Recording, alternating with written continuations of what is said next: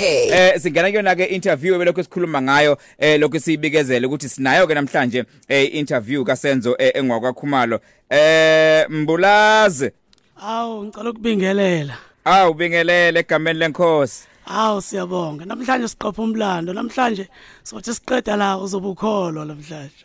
haleluya! Hey ke shaya izandla emakhaya. Hey! Ha! Hey madoda!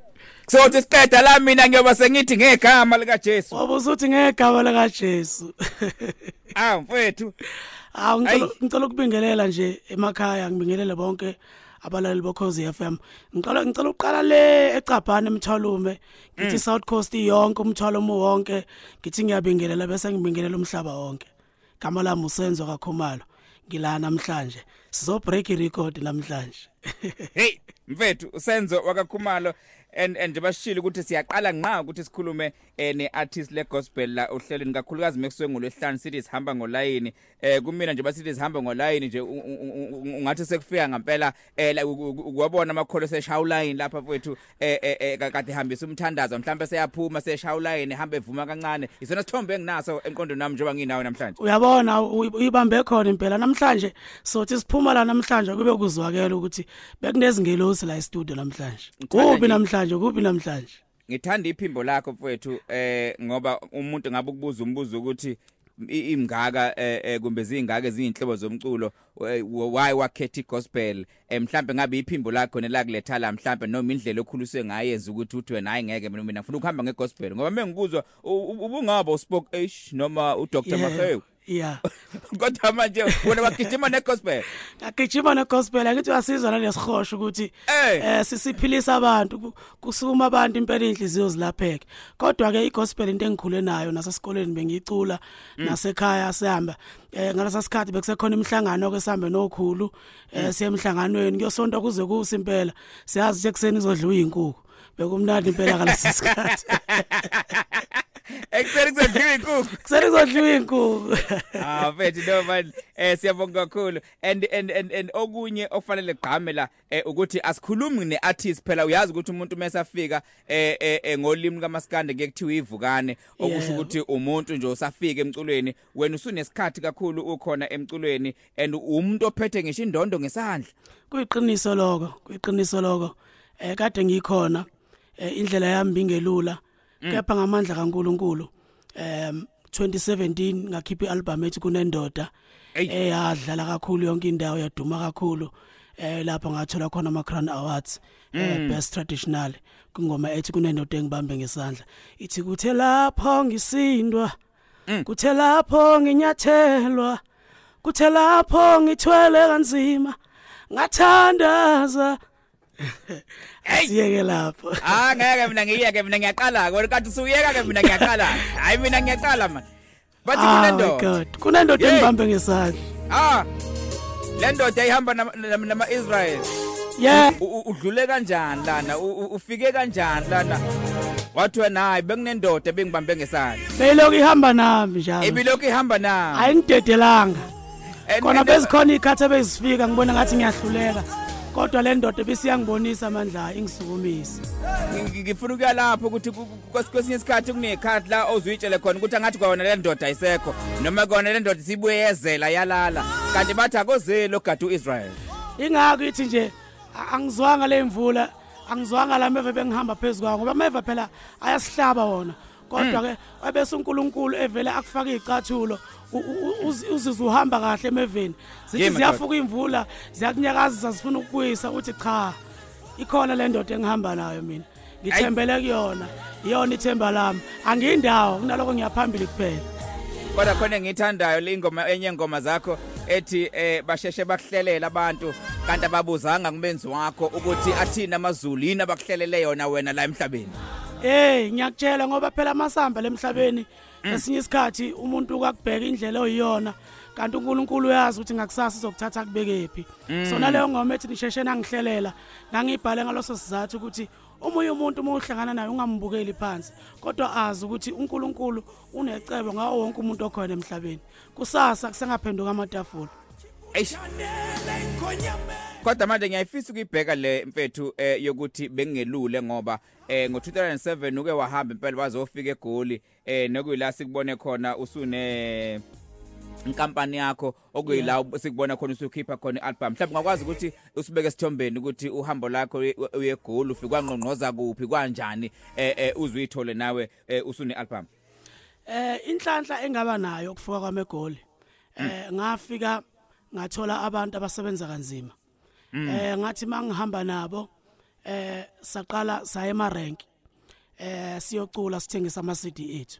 Abantu abaningi usenzo khumalo all over South Africa baqala ukumazi kanjalo ngoba usenzo khumalo umfana waqala emgaqweni emncane. Ngihamba ngize ngiyofuka workshop ngibuyele egoli ngicula lemgaqweni ngidayisa ama CD kungekho lula ngaloso sikhathi ngoba bengiye ngikwenza 150 ngosuku. Kungekho lula kungekho lula kodwa ngafunda into yokuthi eh ngesinye isikhathi kumele uqaphele ukuthi usebenze ngamandla onawo usebenze kanzima ukuze uthole lokufunayo empilweni. Ngaze akuyena wonke umuntu ekuyofika amadili ezandleni zakhe. Kepha ngesinye isikhathi wena uzozenzela amadili ngokusebenza kanzima. So usenzo khumalo waqala kanjalo eh wakhula wakhula. Ngathi mangiqala ngithola isipho sokuthi uNkulunkulu wayengifihlela ukuthi ngibhala ingoma eh ngaqala ngathola ukuthi oh abantu bayamkela lento yami indlela engibhala ngayo ingoma ngaqala ngakhula ke. Kwaye mangizodlala eradioweni after so many years nginganakile. Mina ngiculele emgaqweni ngihambe emarank ngithengisa ama CD ami. Ukhuluma ngokubhala kunabantu osubabhalela ingoma eh eh abaningi nje singababala umuntu engafuna ukubheka ukuthi leli khona lokubhala liqhamuke kanjani? Ubone nini ukuthi mina nginalo ikhono lokubhala ngoba into oyibhalayo iphilisa abantu? Kuyisiphi impela esiphuma uNkulunkulu ngesinye isikhathi uvela ungachazi ngoba uvele nje ngithi uhamba emgaqweni bese kufika ingoma uze ukuthi cha lento efikayo ingabaphilisa abantu. Iqiniso baningi kakhulu abantu engibabhalele sikhuluma kuyine album ebengiyenzile ebeyicula udume mcostad ihamba nothina zungu kunengoma ethi kubonakala ngami nengoma ethi this is my time usigwili kunengoma ethi siyanqoba ulindani kunengoma ethi ngegama lika Jesu baningi baningi kakhulu ama artists esengibabhalele. And futhi manje sengingena kakhulu ngapha ekubhaleleni eh abanye abantu ngabe afropop ngabo ngabo wonke nje umculo usenze khumalo uyawubhala hayibo. Kunjalo nje. Even afropop ngikushayela nje ingoma ingoma ngiyayishaya yonke indawo. Hey kuyisipho esiphuma uNkulunkulu nalokho. Baningi kakhulu baningi kakhulu ama artists esengwabhalela impela kodwa ke into engiyibuka futhi eh la ama collaborations ngoba kwesisikhathi siyakubuka umculi sikubuke ngohlobo labantu osebenzisana nabo ukuthi lensizwa ikhonto eyiphethe lensizwa ikhonto eyifumbethe. Mesibheka abantu sukasebenzisana nabo osipho osipho mbhele olindani gumede mengaphosisi othina ngiyithanda leka thina ilokhuzana ingoma yeni laphana indlela enikhuluma ngayo noNkulunkulu indlela okubhalwe ngayo laphana mfethu hayi lalela baba hayi hayi hayi awusitshele ngama collab Eh ulindani omunye umuntu engiphile naye kakhulu eh ama project amaningi bengenza naye ulindani Gumede eh eh ungiseke kakhulu nokuthi mina ngiye ngithande angisebenzi ngegama lomuntu kodwa ngiye ngisebenze nomuntu okholelwa kulento engiza nayo. Eh ulindani omunye wabantu wakholelwa kakhulu siphompele bese kuzoba uthina zungu lokugcina. Eh nakhona uthina elekeshe ethi mfowethu masithola isikhathi ngajabula ukube khona into esiyenzayo ngoba ngiyathanda indlela obhala ngayo. Wathi mayefika e-studio sengibhalile ngaqeda eh namhlanje umlomo akawuvale naye. Eh okusho kona ukuthi usenzo khumalo uthanda ukusebenza nabantu abakholelwa kumsebenzi wakhe noma ngabe kuthiwa ubani igama lakho kodwa mangibona ukuthi ngathi awukholelwa kulento engiza nayo cha angisondele ngiye ngisondele kumuntu okholelwayo kulento engizoyenza ukuze ezokwazi ukungilalela ukuthi ngidingani ukuthi lento iphuma ngalendlela engicaba ukuthi ngaphuma ngayo. Mm mm mm. Entheme ngilalela lengoma yakho eh eh eh khona ingoma ethi kuseyimi lo. Ithi kuseyimi lo. Ey simakade kuseyimi lona. Ngake ngafika kuwe ngikhala. Manje sengizobonga. Ngabuya ngibonana. Eyisho njalo nje. Ngoba ngesinye isikhathi sike sikwenze konke bese sikhohle into eyodwa ukubonga uNkulunkulu. Ukubonga mfowethu. Ukubonga. Kulonyaka sithi nje siyabonga. Khona ozothi anginalutho esandleni khona ozothi ngishonelwe ihlobo zami khona ozothi umsebenzi ungiphelele khona bazoshiya izinto eziningi kodwa ezisho ukukhala eh, eh, eh, kuNkulunkulu ukuthi balahlekelwe. Kodwa uthi wena lonyaka uthi asibonge nje. Ukuthi uNkulunkulu usakunikile ithuba lokuthi uyaphila kusho ukuthi kusasa uzovuka uyozama. Le ngoma ibhalo kanjalo. Nami le ngoma ngiyibhalanga ngangenako okuningi engakubonga isikhathi ngiyibhala. Isimo sami bese ngekho sihle. Kodwa ngamandla kaNkulunkulu ngayizwa ukuthi uNkulunkulu uyayifuna le ndawo ukuthi ngimbonge ngoba kumanje ngiyaphila ngiyazama. So ake ngithi uNkulunkulu yimina lo. Mm. Ngize kuwena namhlanje angifuni lutho namhlanje kodwa ngicela ukubonga. Ukubonga. usangibona ngoba manje mase ngifika kuwe manje eh angisayona lento ebengibukeka ngiyiyona ngalesa sikhathi ngibuya kuwena sengimhlophe qhwa Hey, ngibuya kuwena se ziningi izinto esezenzekile empilweni yami kumele ngikubonge ngazo njengoba ngibuya kuwe manje ngithi ngabe usangibona na inokumchomela phakathi uNkulunkulu Hey. ukumbonga ngoba uyamtshela ukuthi hey ndoda wangibona ngikhala wang- wangithola ngikhala kodwa manje uyangibona ukuthi ngikuphi manje Hayi. Lalela nje mfowethu. awuthi ngidedele le ngoba angifuni ukuyibamba baba, angifuni ukuyibamba beyizwe. Ukuthi kuseyimi lo, ngifike kuwena ngikhala.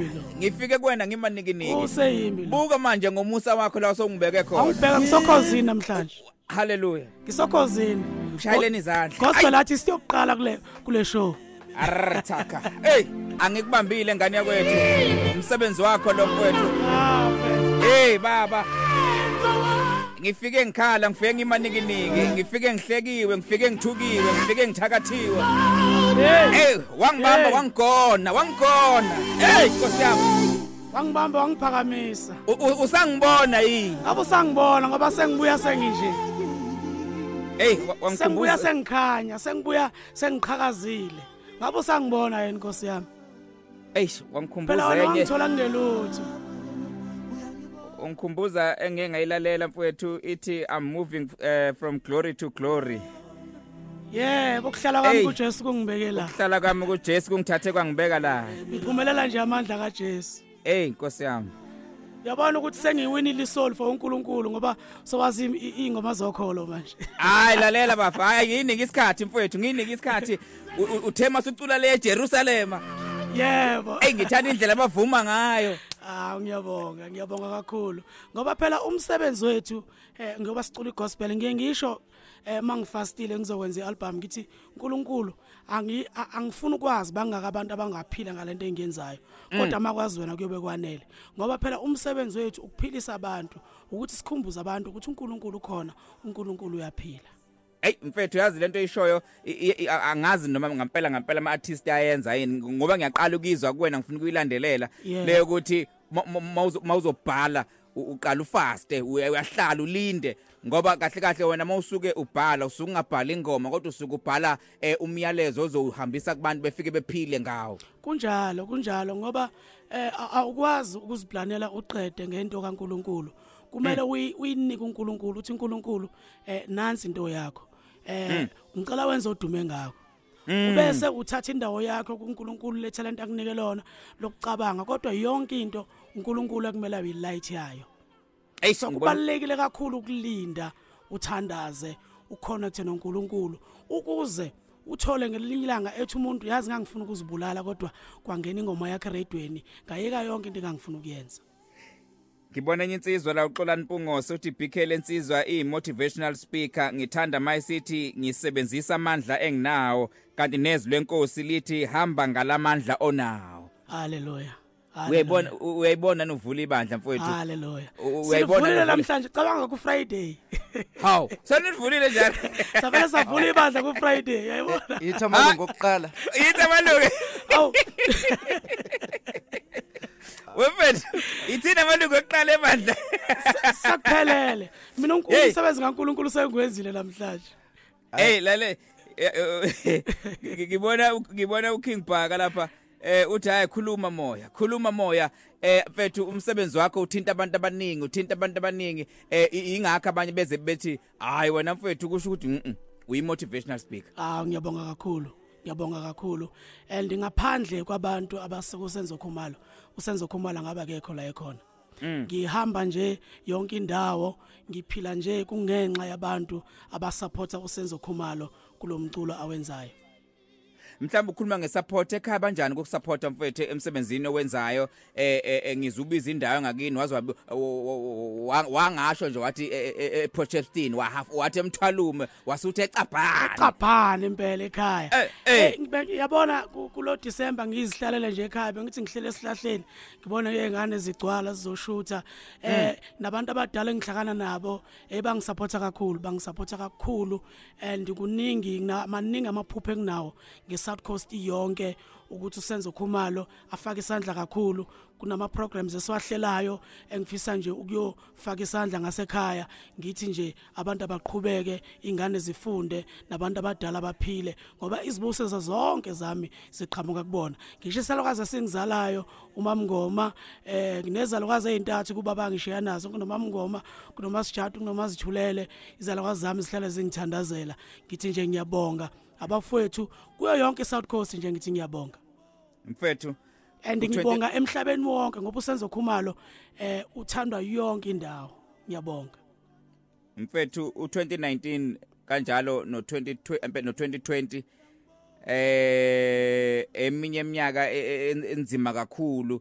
Eh abantu abaningi baye bahluleka abanye bazamile batabalasa kukubi. Yeah. eh le- le- le- leminyaka mangase uthathe nje ngokwesigameke seBhayibhelini eh eh uthi nje leminyaka ngifuna ukuyiqamba ngayo eh ngiqambe leminyaka nje emibili kodwa okungenzeka ukuthi into eyenzeke eBhayibhelini ngoba iningi igameko ongathi mayibuka bese uyithatha uyifanisa eh ngaleminyaka le emibili u2019 kanjalo no2020 bekuyiminyaka enzima kakhulu esifundisa kona ukuthi naseBhayibhelini iBhayibheli liyasho eh uma ungabe uyabheka ukubekezela kukhona eBhayibhelini.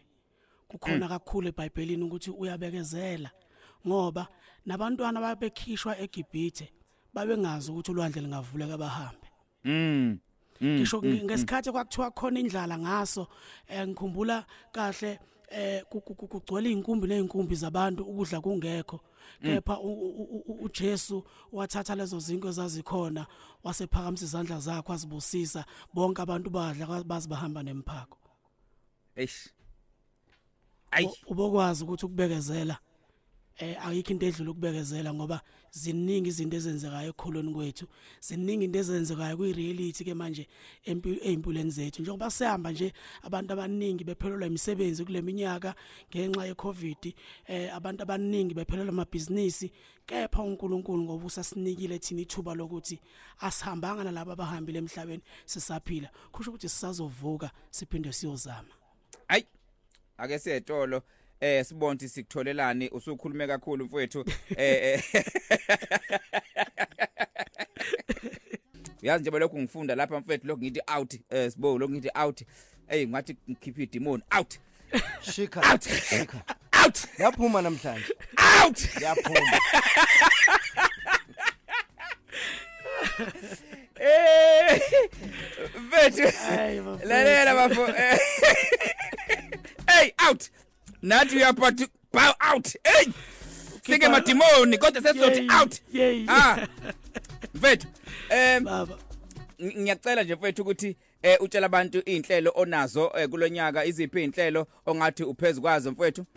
Eh ukuseyimi lo eh ngicela ukubonga isupport kakhulu. From October phuma ngasho nje ngokuthembekile eh ngisho ngasho nje lamazi agcwala umlomo ukuthi eh kwi gospel enye ingoma ezinkulu njengamanje. eh, eSouth Africa and ingenxa yesupport yabantu. Lokho kusho ukuthi ukuseyimi lo sizoba namathozi la sohamba khona eh iphupho lami ukuthi ngiqale khona eh ePortshepsini eSouth Coast eh kube khona esikwenzayo. Kodwa nje ngizoshiya yonke eh indlela usenza tholakala ngayo eh ku social media nezinamba zokubhukwa kanjalo ukuze abantu bazi ukuthi kwenzakalani kusenza okay no eh mfethu ngiyithanda leyo. And nami njengoba ngishilo ukuthi le ngoma hayi nami ikhuluma nami lethi kuseyimlo Ah, baba siyabonga. kuseyimlo Ah, siyabonga. usangibona yini kuseyimlo awusangibona yini all right Eh ku- ku- kunomdlalo esifuna ukudlala nawe nje abalaleli ngoba bayakwazi ucula ucula igospel Yeah. eh but sifuna ukubona nje ukuthi eh uma sidlala nawe lo mdlalo eh esodlala njengamanje i- i- Yeah. ibona bazoba bazoba majudge ukuthi hawu kanti usenzo eh is a Mr Action eh? Eh All right ukhetha okukodwa lokho kuthiwe ngizokubuza khona. Okay. All right eh gospel gold or gospel time? Gospel time. Mfundisi ugumbi o mfundisi impungose mfundisi ugumbi. Umshado o umkipito? Umshado sifiso ncwane o lundi? Sifiso ncwane hip hop o R&B R&B CD o digital stores? Digital. Ubani bethe abazalwane bayabhora hey hayi ngiyakhuphuka ngiyakhuphuka. Nanku nanku umbuzo. ah okay whiskey or wine? Wine. Chika ah rakabosha tha. Ikhalabaya hayi mm. imbiza noma isiwasho iswasho. Haleluya chiefs noma orlando pirate oh kaizer chiefs. Kaizer Chiefs. kaizer chiefs. Aphethe siyabonga kakhulu mfethu. Kubonga eh mina. ukuthi sizoba nawe la emsakazweni ukhozi FM eh nje manje sishilo ukuthi kungokuqala nqasi ukuthi sibe neartist ye gospel ngicabanga ukuthi sezovuleleka namanye afike. Eh kodwa ngafiki artist elingenazi ilimi. Fanele iartist melifika libe nelima ma tongues yes. kuyintokozo kakhulu kuyintokozo kakhulu. Abakufunayo futhi bakuthola kanjani? Eh ngikhona ku Facebook ngicela nje ngoba kugcwele lokhu personal uthi Senzo Khumalo page uzongithola Instagram @senzokhumalo kanti for ama bookings nansi inamba ithi 078 742 0266 078 742 0266 nibhuka usenze kusenesikhathi ayagcwala ama bookings ephasika ukuze ungakhali uthi eh ngifone late usenza ngisamtholanga eh sekusekunento evelile ke manje eh, abantu mabeshada abayangibiza bafuna ukungena ngengoma ethi kuseyimi lo Kuseyimi Uzobona lo. ukuthi uNkulunkulu unamandla bathi Hey. nje abantu kuseyimi lo hey yazi ma artist e gospel ujumbo kuphela ngimaziyo ngashadile wemshadile hayi angikathatha ngikathathi Wona angikathathi no- wona akasibe no Jumbo. uNkulunkulu. So eh ngi- ngilinda usomju somju thatha ndoda mfethu kuseyimlo obekubingelele eqaleni ngiyavalelisa manje. Ngiyabonga kakhulu abalaleli emakhaya ngithi uNkulunkulu anibusise. Unyaka omusha nuqale kahle eh, nithembe nje uNkulunkulu. Amen. Hayi Hallelujah. Oh, I'm, I'm sure nawe sibo uyakholwa manje bafana hayi hayi vuseleleke kabi. Hayi Kabi. lalela. Khohlwa indaba zika Twitter lo uthi uboneni? suphume washasha bafo. Njengamanje Yeah, ngiyothenga ayi. iBhayibheli mangiphuma la. Uzwile ke? Kahle kahle bese kamdinga umfundisi ukuthi ashumayela A- angathi bengavela ifika iculo nje lensizwa ah ngolimi lakhona bathi baphelele kuthiwa kuthiwa yini umminister yebo siyaminister. Hawu ngazi umminister weze health phela mina okay kulungile. No BK. Asibonge.